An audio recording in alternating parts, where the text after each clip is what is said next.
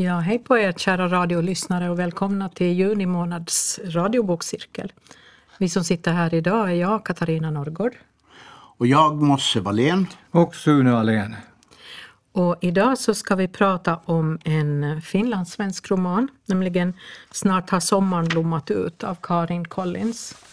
Och eftersom det är Mosse som har valt boken så får han börja med representationen av boken och författaren. Bra.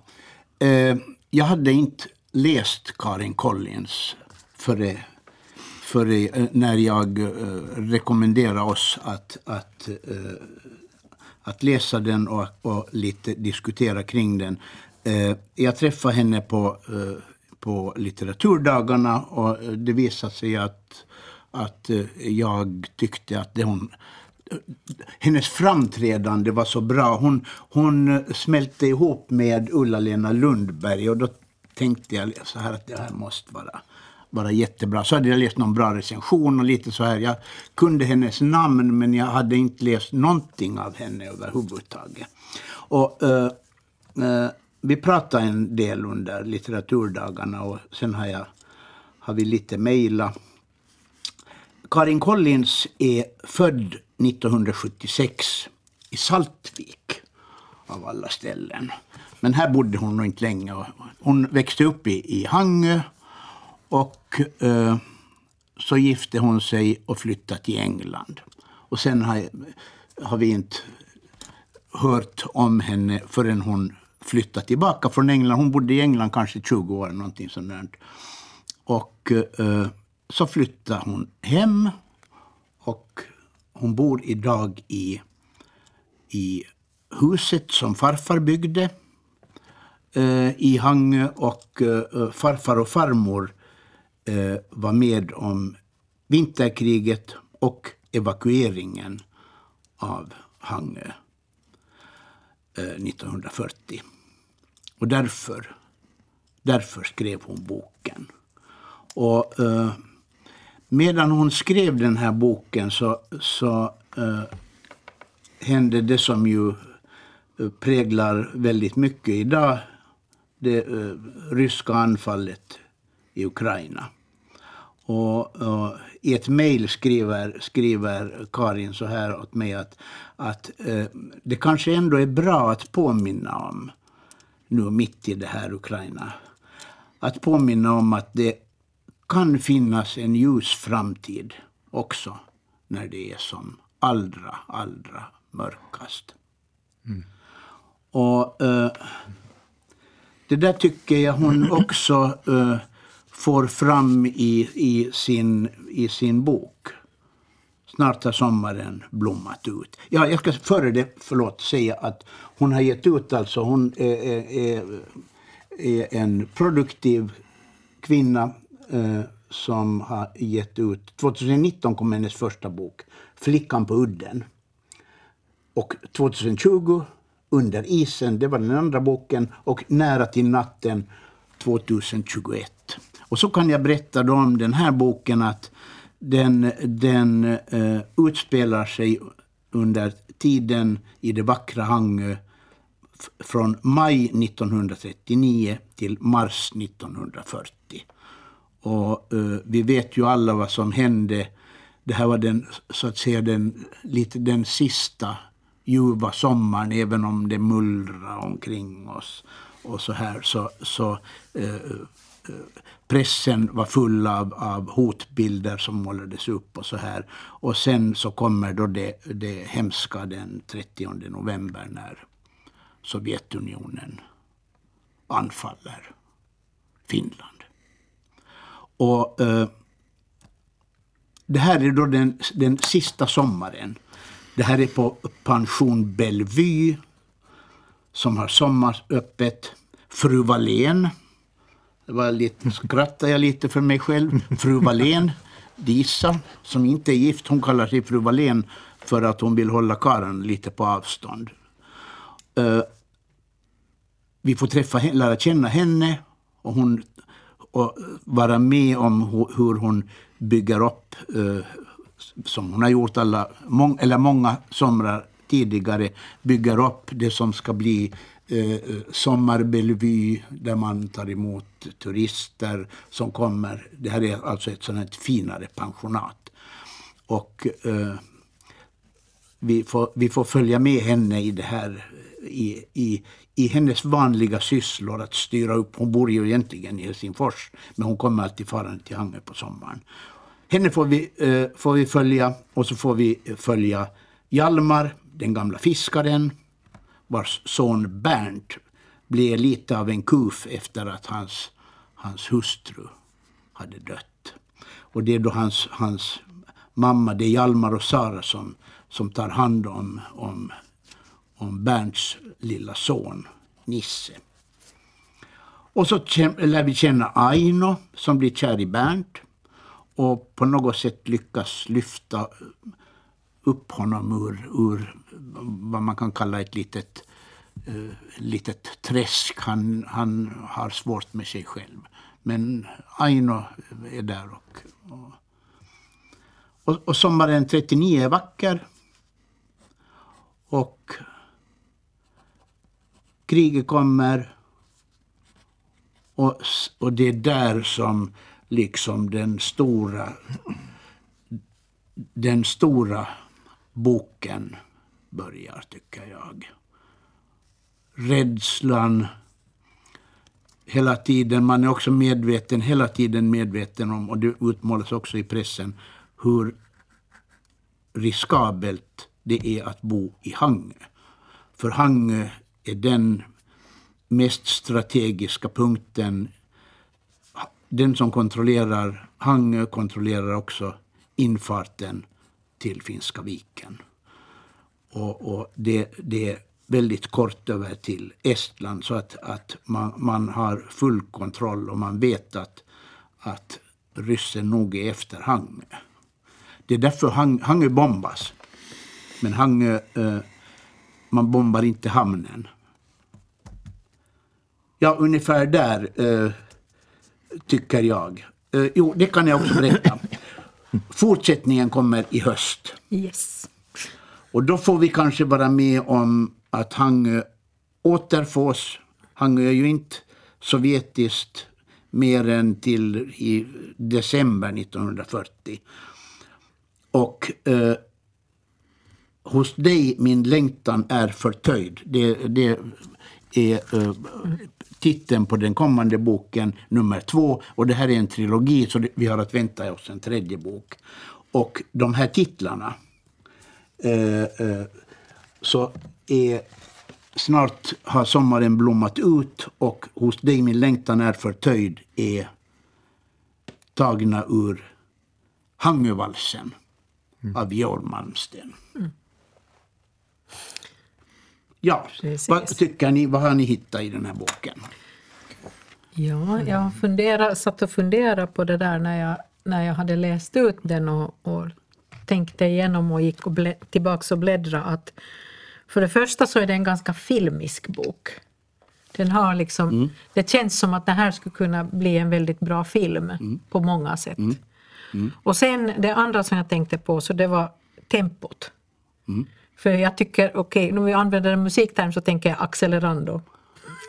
Ja, det, går, det är liksom långsamt, det är långsamt. I början är så här att oj, jo, no, jo, det händer. Och sen liksom mm. pang, och sen börjar det verkligen hända. Och det, det ökar takten lite hela tiden. Mm. Så, mm, eh, intressant och en bok som man ska inte ge upp om man tycker att, att de där första 50 sidorna är lite sega, för det kan vara det. Det kändes lite så för mig åtminstone. Men fortsätt, för det är den nog värd. Ja. Jag tyckte inte att de första 50 sidorna... Eh, jag, hade, eh, jag läste så här vrpp genom alltihop. Och, och eh, jag ville fortsätta läsa för att jag, jag ville inte stanna där. Det är därför jag jag skrev till henne och sa, att, fan, för jag hade inte läst ordentligt om henne, så jag, att, att det kommer väl en fortsättning. Jo, jo, jo, jo, det kommer. Och man får veta om alla kärlekar och lite så här och det, hur det går. Och naturligtvis, det här är ju uh, finsk uh, historia. Mm. Finländsk historia. Har finlandssvensk. Förlåt? Finlandssvensk. Finlandssvensk historia man, också. man, Jo. man tänker, alltså det blev ju, när man ställer frågan att vad har man för tankar och då är det ju, vi är där igen och vi har haft ett antal sådana här alster som vi har gått igenom som på ett eller annat sätt har, ja, ska vi säga, tagit oss, tagit oss till. Det har varit Österbotten, det har varit Jakobstad, det har varit Åland och det har varit ja, Ulla-Lena Lundberg som ju är ett svep och så vidare. Men nu, nu är det liksom i mina hemtrakter. Jag är från Ekenäs. Och eh, ja, jag kan inte säga vad vi, brukar, vad vi sa i Ekenäs om Hangö. Det, det, blir, det hör inte till den här skriften men, men Hangö finns där. Och jag växte upp i Bromarv. Alltså det blir en sån här Bromma var ju det trygga stället här. Ja, precis. Och min mor kommer från Bromarv. Hon blev evakuerad för hon kom att vistas i Rilax, som ju ligger väldigt nära mot Hangö då. Ja. Och det var inte det var inte säkert att bo kvar där så de fick 24 timmar på sig att, att uppfylla det enligt myndigheternas evakueringsorder. Och hon berättar bland annat om att skjuta kon och för att man ska inte lämna efter sig någonting liksom som fienden kan ha nytta av och så här. Så det var mycket och jag kommer ihåg, det, liksom, det, det berör när det kommer så här nära när man kan se att det här är platserna och jag har besökt de här platserna. Så det blir naturligtvis... Sen pratade precis, eller ska säga inte pratade, man pratade inte om kriget när jag växte upp. Det är ett symptomatiskt för Ja. hela landet att att man, man fick inte reda på så mycket. Och därför sådana här böcker som den här jag tror du sa Mosse att det här är liksom nödvändig och viktig historia. Mm. Och, och på det sättet blir det här en viktig historia därför att vi fick, jag fick inte reda på så mycket. Man slog bort det. Ja. Och eh, hur ska den kommande generationerna liksom få veta om man inte kan ta, få ett sånt alster? Så därför tycker jag att författaren här gör en stor eh, samhällsinsats, alltså en, en eh, vad ska vi kalla det, historisk insats, men även liksom att föra detta, för det här har hänt och det är nära. ja. Så är det. Alltså vi tänker inte att vi är 70-80 år liksom, att det är, men det är ju otroligt nära, det, det är ju här, det är nu. Ja. Det är nutidshistoria. Så, så det är liksom mina tankar så när man läser, sen när man tittar på själva, jag håller med om att de där första, första sidorna, liksom, de första 10, 20, 30, 40 sidorna liksom, blev en beskrivning över den lilla stillsamma lunken, men det var otroligt rogivande läsning. Eller jag upplevde det så. Men där man ser Hjalmars fiskande och kexfabriken och Ja. det här liksom vädermödorna och lunket och så ser man, ja sen kommer den här Hangös stora eh, sommarinvasion med det här hotellet eller vad ska jag säga, liknande. Och det också blir det har ju gått en del sådana här serier på tv. Jag har inte följt med någon men jag har sett liksom på titlarna. Det var någon dansk serie om någon sån här pensionat och det har varit en åländsk lite motsvarande, eller inte åländsk men ändå. Och, så det, det blir liksom ett sån här, ja hur man nu sen vill välja att tolka det. Ja, sen finns det annat men nu kan jag stanna där en stund. Intressant är det i vilket fall som helst. Berör det mig? Mm. Jo, jag tänkte på det för, för det här... eh, Det, jag, kanske, det kanske lät som att jag tyckte att den var väldigt tråkig i början, det tyckte jag inte egentligen. Men den var, den var, det var lite, lite segt, det var lite så här...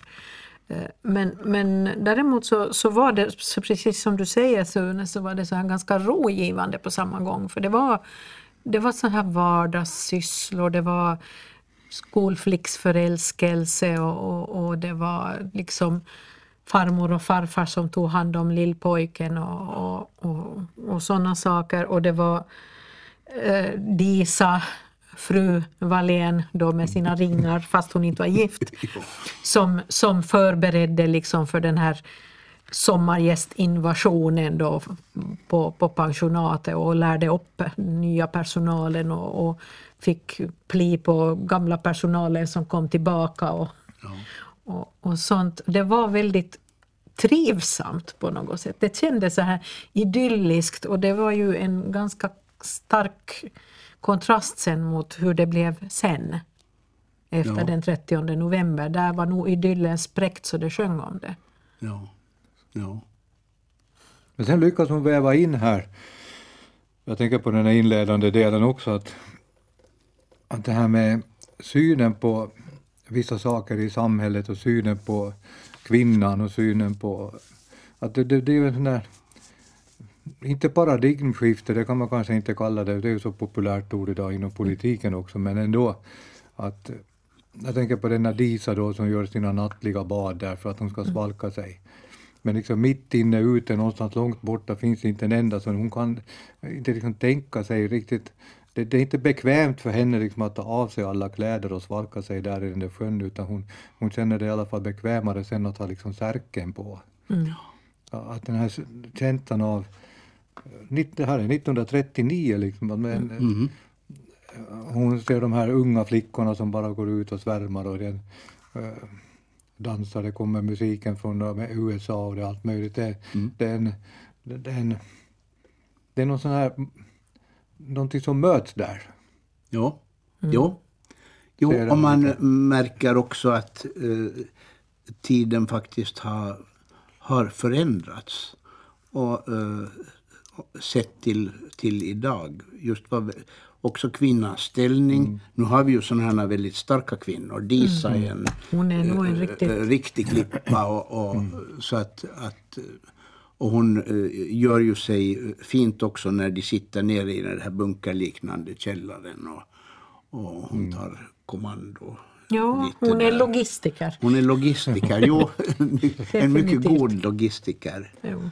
Jag, jag, jag tyckte att, att Karin Collins kunde ge på något sätt en, en verklig, på något sätt en, en närvaro.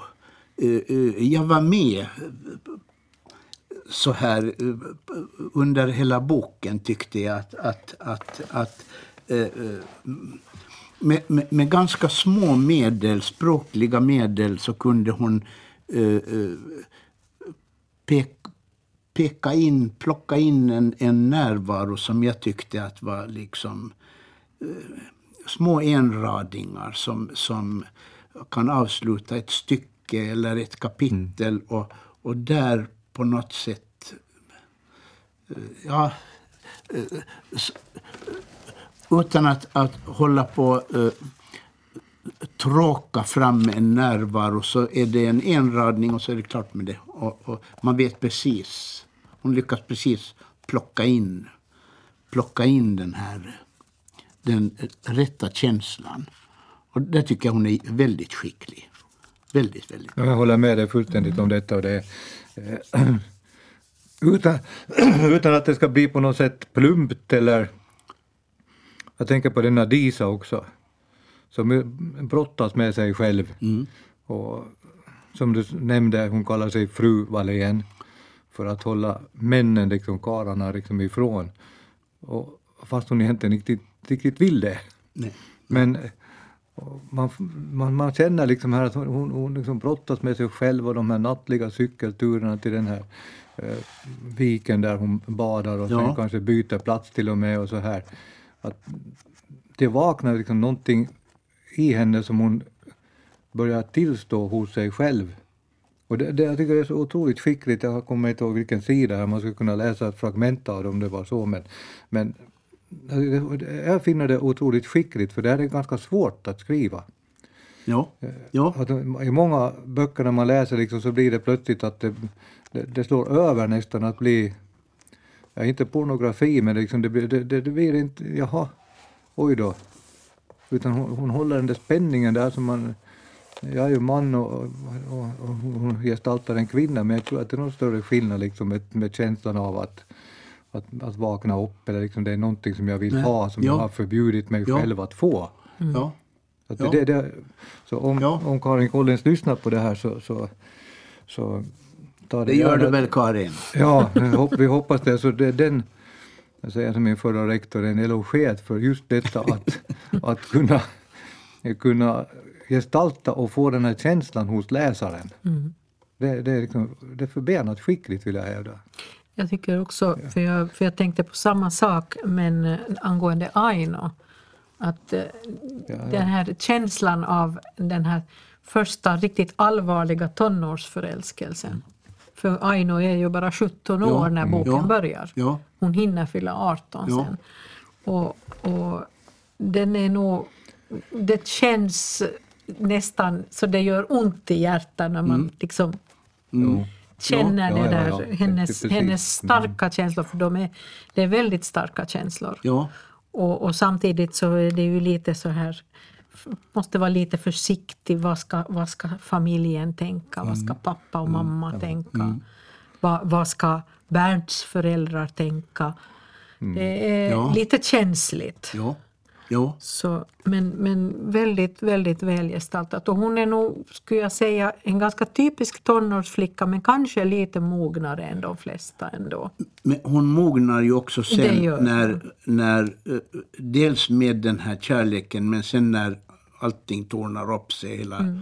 den farliga världen. Och, eh, så, så blir hon också vuxnare ju i det, butiken och, och det ska skötas det och det. Och, Och tar hand om tant Ellen. just och, precis, ja, just precis. ja. Jo, Så känner det- ansvar och, och Jo. Så det tyckte jag hon gjorde bra. Sen den här eh, Bernt, hennes förälskelse, det vet jag, där får man inte riktigt något hundraprocentigt inte något tag i honom, Nej, nej, nej, nej. Han slinker undan lite ja, med sina långa ben. jo, men, eh, men hans far, ja, Hjalmar, Hjalmar, ja. där, där tycker jag också, för det, det känns också väldigt genuint på något vis, Ja. den här beskrivningen Ja. av hans, hans känslovärld så att säga. ja, Så det är väl egentligen, är det tre huvudkaraktärer i boken om man säger så, tre huvudpersoner. Eh, Det Design och Hjalmar. Ja, Ja, så ja. man får egentligen aldrig titta in i de andras huvud på det sättet. Nej, nej, nej. Men det är inte ganska smart det. Ja. Om man tänker typ, äh, att har man, alla, har man för många sådana här karaktärer som man ska försöka gestalta och försöka få någon slags form på. Ska man hamna in i ett rodd och det, Ja, det blir blir ingenting. rörigt. Det, är liksom- det, Ja. det tre stycken, man koncentrerar sig på tre som hon har gjort. Då. Ja. Och de får vi följa. Då har vi då har lätt att hålla liksom ordning på det där på något sätt. ja, för annars blir det lite den här allvetande Ja, Ja, på något sätt och det, det är inte bra. nej, och, och, eh, här tycker jag det inte är något allvetande. Utan, Nej, nej. utan eh, jag hade en, en grej som jag... eh, eh, eh, hon, hon berättar vad som händer eh, den sista november i skolan. Och jo, det... Jo, precis. väldigt ta, Exakt. ta, Ja, ja. Jag blev tagen. jo, jo. Eh, eh, man ska sjunga bevara, eh, bevara Gud vårt fosterland. Och, eh, och för Aino så är det, är det eh, hon eh, eh, liksom fastnar lite. eh, eh, hon skriver så här, så här beskrivs det. En klump bildas i Ainos hals och hon tror inte att hon kan sjunga mer. Men så tvingar hon sig, sjunger sönder klumpen och tänker att det är kanske hennes sång det beror på nu, just i denna stund. Om hon ber till Gud och sjunger tillräckligt högt, kanske, kanske han lyssnar. Och det är så här tycker jag, lite skolan, eh, religionen, bla bla bla eh, i en ung flickas, ung människas huvud. Att tänk om Gud lyssnar på mig. Om jag usch, tar i nu ordentligt. Och kanske det här kan få ett slut eller ställas till rätta eller något sånt här. Där hade jag också ett, ett stycke och det är just, just när egentligen då strax efteråt, det här är i december 1939, när, när folk börjar då fly från Hangö. Ja. Eh, För att de är ju medvetna om det, att det, är ju, det kommer att koncentreras ganska mycket Ja, bombningar dit. Och, och det här, de åker iväg, Ainos föräldrar åker iväg med lillebror. Eller nej, Ainos mamma och lillebror åker lillebror, iväg och pappa och hon blir kvar Ja. ännu så länge. Och då skriver, skriver Karin Collins så här. Eh, Greta och hennes mor och syskon ska snart kliva på en buss till Österbotten. Och Aino sitter på trappan och känner att hennes hjärta är som en bit tyg som rivs i allt mindre bitar och skickas till olika delar av landet. Rich, en bit ligger i en korrzon någonstans i Karelen. Ratch, en annan bit, stor som en bordduk, ska snart kliva på bussen och försvinna någonstans djupt in i landet. Rich, Ratch, Rich. Snart finns det bara trasor kvar, trådar. Vad är en människa, undrar Aino, om alla som hon älskar försvinner? Vad finns kvar? Vem är man egentligen utan sina käraste? Bra. Jag tycker det här är Jo. så vackert. Jo, Ja, det är det. absolut. Jag, jag, skäms för att erkänna att jag grät lite. Ja. Ja. Jo, jo, no, det, man blir sådär. Så. Nå, så närmar vi oss eh, sen då den här den stora den stora ivägflytten. Det blir ju fred så småningom. Och då, då så ska man ju utrymma hela, hela stan. Och eh, det kommer vi kanske att få veta mer om sen men eh, eh, den, det första stället dit alla sticker så är ju Ekenäs. Och, och, och Ekenäs fullkomligt översvämmas av inte bara människor utan gre- deras grejer. Eh, Det finns alltså fotbollsplaner med, med, med folks bohag. Och, som man inte vet riktigt hur... Nå, det, här, det här berättas det inte vad, vad som händer med det men, men man antar att, att det här också kan ställa till med lite problem i Ekenäs. Jo, det är lätt att ta emot, ni, det här är ju våra grannar, men sen så kommer det 8000 eller något sånt här, så då är det ju inte så där, man kan tänka sig att det blir lite, lite skärfölje. Och Det var, eh, tänkte jag på vad du sa att, att Ekenäsborna sa om Hangeborna. Tänkte jag att det kanske var, hade sin, eller är det modern tid, moderna tider du talar om? Det är nog moderna tider, alltså jag växte upp där i slutet på 1960-talet och början på 1970. Så, eh, man sa motsvarande saker från Hangö när det gäller Ekenäs, det liksom ligger en sån här rivalitet där. just precis. På Ja. fotbollsmatchen mellan Hangö IK och Ekenäs IF, det var, det var liksom Ja. det var mera mellan IFK Mariehamn och Finströmskamraterna. Ja, men det, är liksom, det finns Ja. den här trakten, det var nog mer ett infall bara från min sida. Eh, Jag tycker att mamma, det, som mamma berättade, när jag kommer ihåg just när det gäller den här evakueringen, så hon bodde ju då i Bromar, Rilax halvön där. Ja. Men de flydde inte till Ekenäs, eller de blev inte så att säga deporterade dit, utan de kom någonstans vid Salo. Mm. Bjärn och Salo-området. Och det är ju en bra bit att vandra nog. Och hon var ju då 39, vänta nu, sju år. Mm. Så att hon har ju också minnen av det ändå. Eller hade, hon finns ju inte längre men, men, men de, så då kom inte till Ekenäs, nej. Nej. Men eh, den första, som man, det var första anhalten Ja. när man Jo. flydde eller deporterades så På var tåget. eh, tåget gick till Ekenäs och sen så skulle det lite, sen började det säkert utportioneras lite. Jag kan tänka mig också att Rilax ligger ju ändå på sidan om Hangö, alltså det tillhör ju Bromar. Och eh, det var väl kanske när det blev mera bombningarna och de här anfallen och så vidare mera effektivare från sovjetisk sida som man också blev, blev rädd för då, eller ville värna om de som bodde så att säga på andra sidan då, vikarna där. Så att det, är, det kan vara så, jag vet inte, Ja, svårt att säga. jo, jo. Men det är sådana här ändå, jag tänker att som fortsättning, jag kommer, bara en sak som jag minns just att min mor där blev, för vi bodde väldigt nära, nära den här soptippen, då, avstjälpningsplatsen, och det brann ju där.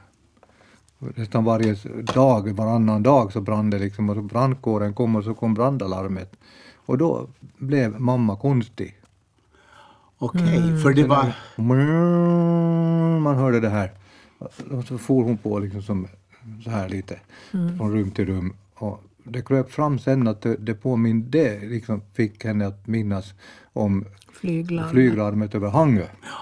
Just precis. Just Och då skulle det ju mörkläggas också hos henne där i Rilax och, och man skulle se till att det inte syntes något ljus så här då, Nej, ja. Ja, som sjuåring då. ja. Usch, nej det... Så att jag tänker på det där bland det är små händelser fast som det är stora händelser liksom som kopplar ihop. Och, och det hon skriver nu, Karin Collins då, för att återgå till boken, så tycker jag hon är otroligt skicklig att koppla ihop. Liksom det hon har hört berättas. Jo, Och sen låter fiktionen leva vidare förstås. Men, Men hon har nog jobbat också eh, väldigt hårt. Ja, det är absolut. Eh, Hon, hon eh, har eh, eh, många som hon tackar här på slutet och hon eh, har eh, nog grottat ner sig ordentligt i Ja, för att få man. det här eh, liksom också historiskt ordentligt. Och, så bombades det och det huset och det som kallades... Bla, kan tänka mig att hon har dykt i arkiven lite Jo, också. jo. Det, det, det, är det är så pass mycket så pass detaljerat att jag kan Ja. tänka mig det. Men jag tycker för det som jag som jag liksom riktigt fastnade för och som jag läste, jag läste det flera gånger, det här avsnittet om 14 januari som hon kallar en svart dag. När det bombardemanget blev riktigt på allvar så att det liksom Hangö skulle förstöras i princip. Och, och hur, hur det liksom, liksom hela, hela stan skakar av, av de här bomberna som faller överallt. Liksom. Allting raseras, kasinot och Ja. allt, Ja. allt pensionatet blir Jo, det, förstört jo, och hela, hela, hela stan, hela innerstan stryker med. Och det, det var nog liksom den där beskrivningen med, med det här hur brandkåren försökte desperat då att Jo, och de hade ju inte ordentliga, ordentlig utrustning och allting var lite så här. var- Mm. Så, så det här, det, jag antar att hon nog har också då intervjuat människor som, har, som kommer ihåg det eller som... Jo, Ja, säkert, säkert. ja. Så, så det här. Den, den delen var, tyckte jag faktiskt var en av de där mest gripande Ja. på det sättet. Men som du också sa Sune här tidigare att, att det här är ju eh, det här med att, att vi, åtminstone vår, min generation, inte har fått lära sig så mycket. Man kunde fråga så här pappa, man visste att pappa hade varit vid fronten men man visste inget. Och så frågar man hur många ryssar dödar du? Och, och då blev han bara eh, trött och, och man sa att irriterad. Han svarade inte på sådana. Och den, så den frågan ställde jag två gånger och sen aldrig mera. Och, och han, det pratades inte. Utom när man var, han var i, eh, i lag. Man satt, jag var med någon gång i, nå i bastun med något herrgäng som, som var i samma ålder som pappa. Och då, ja, var var du, bla bla bla. Och då, där i det gänget kunde man prata. Och då satt man bara eh, som en liten tyst Jaha, mus där och, och, och lyssnade. Men, men man kunde inte få någonting. Ja, men det var ju bara de som hade varit där som kunde förstå kanske. Och det skulle inte pratas om. Nej, Nej. nej. En riktig karl skulle inte. Ja, Nej, och, och sen har du ju då eh, den det här så är är ett viktigt dokument lite av, av, av, av kriget och vår närhistoria. Precis, Ja. absolut. Jo. Och jag tänker just på det här med att varför man inte pratade. Det var ju också så att på många håll i svensk Finland och i Finland över, överlag så betraktades ju de här hemvändande soldaterna inte liksom som några hjältar. Utan de var ju, ja, det, det, finns ju många, flera dokument av att de blev till och med beskyllda för vad gjorde ni där? Att det- de inte klarar upp det. Och det. Ja, klara upp det och sen att man eh, på något sätt eh, fick en sån här skam, eller inte skam, men kanske lite skuld mera belagt på sig. och man ville liksom inte lyfta fram det heller. Utan det här kom ju lite senare sen att man ju faktiskt såg dem som räddade av landet och, och så här. Nu är det ju inte här legio liksom i hela, men att det, det, det förekom att, att då när man skulle erövra och komma så småningom till att prata om Storsuomi och Storfinland, och, Ja, att man lydde i order. ja. Det var liksom ett sätt att nu ska vi ta tillbaka det vi har förlorat. Och det är det med Finland. Men det var sådana stora umbäranden och, och människor förlorade sina nära och kära och an, många anhöriga och så vidare. Att någonstans sätter man så att säga skulden på det där. ja.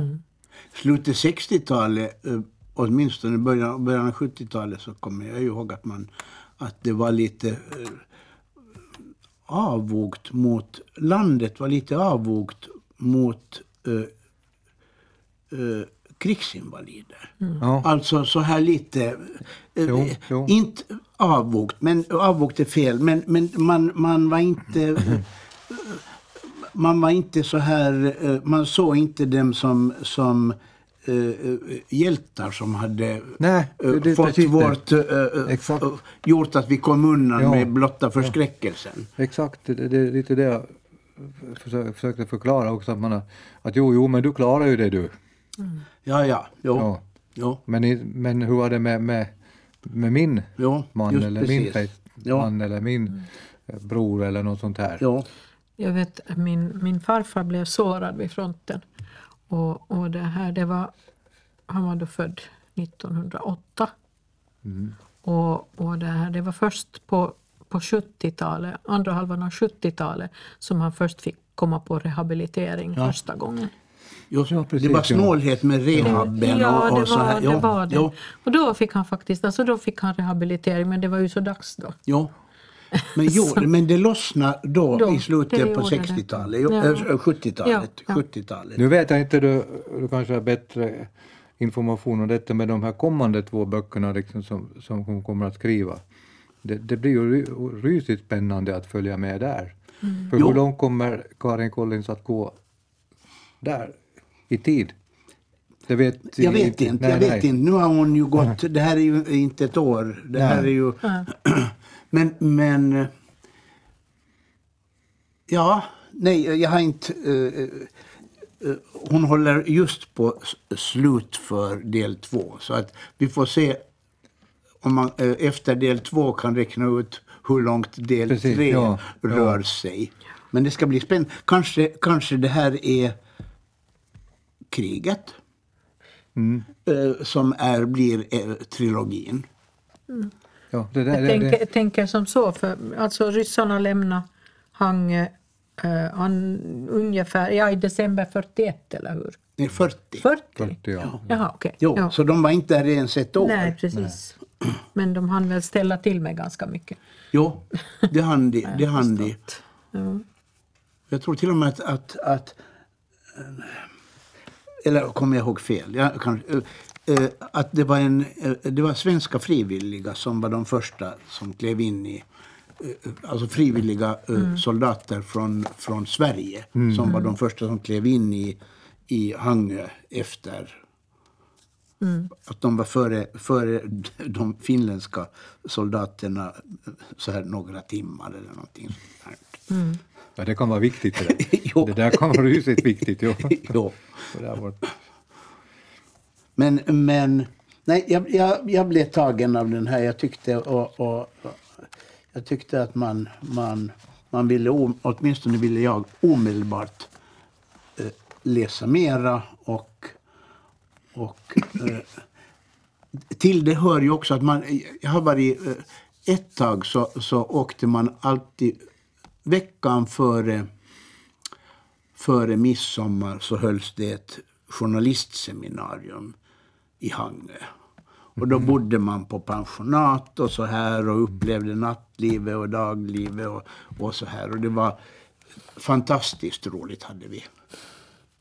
Och, och, och, och jag känner igen en del saker, tycker mig känna igen en del saker eh, i den här boken också som liksom det soliga Hangö och, och det här med, med, eh, med pensionat och, och så här. Kasinot. Jo, regattan. Jo, Regatta Det var, och kasinot. Hangö kasino. Man, kunde, man dansade där, det var eh, bra musik och svetten rann. Och så kunde man springa ut, klä av sig, ta sig ett dopp och sen springa upp, ta på sig kläderna och in och dansa igen. ja, ja. Ja. Är det så att när man möter en författares alster som eh, gestaltar någonting man känner igen, blir boken bättre då? Känner man att den är liksom en kvalitet, den höjs, än om man läser någonting det är en sån här retorisk fråga, jag tycker Jo, det är intressant. Den, eh, det behöver inte bli så, tror jag. För att det kan ju vara dåligt beskrivet. Och att de har fel. Det här var ju, ju sladder precis, ja. eh, och så här. Men, men det har jag inte mött med Karin, Nej, nej, Karin inte Collins. jag jag kan ju inte Hangö, men eh, jag kan, det, jag kan lite om, eh, om det glada sommarhangö i modern tid. Men, äh, jag, jag, alltså jag sitter inte här som någon programledare, men jag tycker om att ställa frågor. Och, men måste det vara inte med, eller var du då, nej jag tror inte det, Eh, Vic- Victoria Belim och si- Röda sirener. Nej, då var jag Ja. inte. Nej. Nej. Men då liksom, eh, kan man se någon sorts koppling mellan skildringen här, Karin Collins och Victoria Belins, för den beskriver också en ganska liten krets människor och deras öden längre tillbaka, inte under bara ett år, men liksom själva fenomenet av att berätta en historia om en familj eller en mindre krets. Jo, det kan nog hända. Jag tänker nu när du säger sådär att, att eh, om man har liksom mer, får på något vis mer ut av det om det är någonting man själv känner till. Men jag måste ju säga att, att inte har jag, nå- jag har aldrig varit i ukrainska landsbygden. Men, men det kändes nog som jag var där när jag läste Ja. den boken. Det var väldigt, väldigt... Den, man drogs nog in i den där, man, man kunde se det där landskapet och de där platserna fast man aldrig har varit där. Så eh, det beror lite på. Jag tror att det beror på hur bra författaren är på, Ja, är på att, att få med Ja, sin ja, läsare. Ja, ja. Och, och jag menar, det, jag har varit i Hangö en gång i mitt liv tror jag.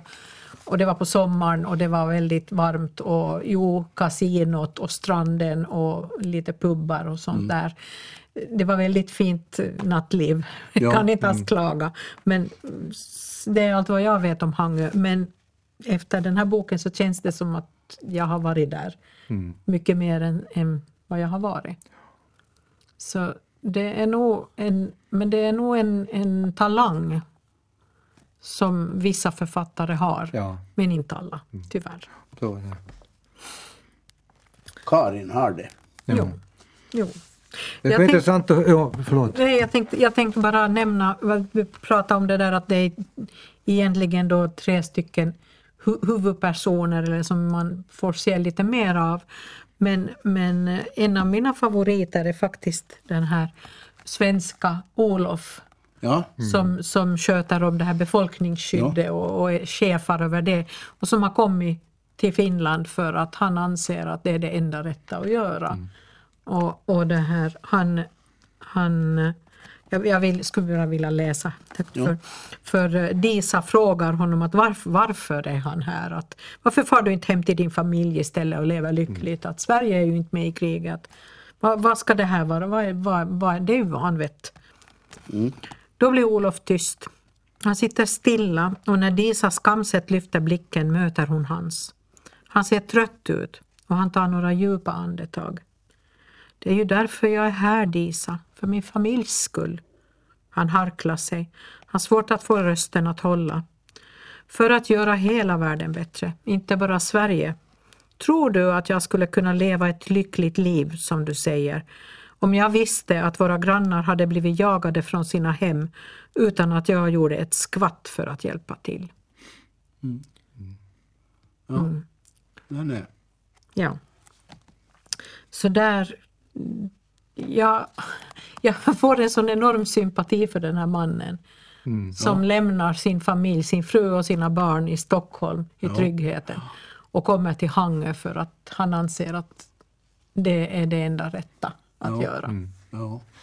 Och de här svenska brandkåristerna som precis, kommer ja. Mm. dit med, med, med sina brandbilar och hjälper till att släcka Ja, ja. efter bombardemangen. Och det, det, och lite ordentlig utrustning, ordentliga precis. slangar och lite så här. in, inte slangar som det är hål på överallt utan Nej. Är det, är det här en, ja, en parallell eller ska vi säga en, om man tänker på situationen som du nämnde här inledningsvis, att hon skriver den då när Ryssland anfaller Ukraina. Ukraina och hur beredvilligt människor, beredvilliga människor var att hjälpa och Ja, det är väl så. Och, men framförallt tror jag att hon, hon ville visa att trots den djupa grop, både känslomässigt och, och, och rent konkret som eh, eh Ukraina och ukrainarna känner sig vara i så, så, eh, så har vi också varit i en liknande och att det finns ändå en, det finns en framtid. Och eh, just som hon, som hon skrev att, att, att det kan finnas en ljus framtid mm, också när det är som allra mörkast. Att, eh, men det, det kan ju vara svårt också att hålla den, den tron och den övertygelsen vid liv ja. när det är som allra jävligast. Och det är ju där jag kommer in på det där som jag funderar på, för när, man, när jag börjar läsa boken då, så börjar den ju synnerligen dramatiskt. Jo, med Nisse. Nisse, lilla Nisse, som plötsligt är försvunnen och så visar sig att han har ramlat i vattnet. Ja. Men, men då tänker jag, vad, vad har det här nu då? Varför, varför inleder man en bok med en barns drunkningsolycka? Mm. Och sen löser det sig. Och så kommer vi till det där som du säger. Att liksom, det finns ett, är, är det det hon vill gestalta? Eller ska, man, eller ska man inte tolka in eller finns det liksom bara det ett skeende i skeendet? Men, men jag tänker ibland att någonstans så finns det en mening med att man... Jag tycker det är ett suveränt sätt inleda en bok. Det viktigaste kapitlet är det första kapitlet, nästan den första meningen. Mm. Och det, det blev åtminstone för mig när jag läste den att det här har någon sorts betydelse för fortsättningen. Mm. Mm. Mm. Varför sätter man liksom annars, ja, man beskriver en situation i Hangö och en människas öde och så byggs det på vidare sen med denna Bernt då, som är far Ja. till denna Nisse Ja. och så, och så här. Och naturligtvis Hjalmar mm, och hans Sara. Men just den här händelsen som är ju så dramatisk och, och livet kommer tillbaka. Eller? Ja. Mm. Kanske det. Ja. Eller ska man, man bör man ju tänka på sånt sätt att man läser på bara. Man kan också läsa på bara och sånt här tänder. Ja. Mm. Det Nej. blev en händelse Ja. liksom som, Ja. som Ja. belysande på sitt sätt men Men det kan ju vara just så här att också när det är som allra mörkast. mm. För det kommer flera gånger fram här liksom, och, jo men det, det, jo, det, det kommer nog att bli bra, jag kommer nog hem, det kommer nog att bli, ja. det, det kommer liksom tillbaka, det här är Ja. nu någonting som, det här måste vi bara uthärda. Ja. Det är liksom en konstgjord andning eller någon liknande räddning och så, det, det, det återkommer. Eh, ah, det, Men, det, men är det inte så lite med oss människor och livet överhuvudtaget att, att eh, jo men eh, och, och så klarar vi det här och så får vi eh, att eh, den här positiva delen så, så eh, eh, är också ett, eh, ett sätt att, att uthärda. ja. Eh, att jo men det blir bra. Det ordnar sig. Att, eh, Jo. jo. Den här terapeutiska metoden 3G som vi använder. är det så? Ja. Grå, gråta, glömma, gå vidare. Ja, ja. Jag Ja. vet inte om det håller alla till, men ändå. Ja, men i alla fall. Det, det stannar hos mig det här. Ja, Just den här inledningen och sen om den har någon sån här budskap för fortsättningen. kanske det. Kanske det äh, lär en att också uthärda eh, något som är liksom då en, en inte bara en, en liten eller stor fruktansvärd familjekatastrof utan är ett lands katastrof, en Ja. stadskatastrof, en, ett grannskapskatastrof. Ja, precis. Och, och, och så här så ja. eh, Ja. blir det ju hur stort som helst. Ja, ja. Ja, Jag, Men- för jag, jag tänkte faktiskt på, medan jag läste den också, så det var, det var väldigt svårt att koppla bort den från dagsläget. Ja. ja.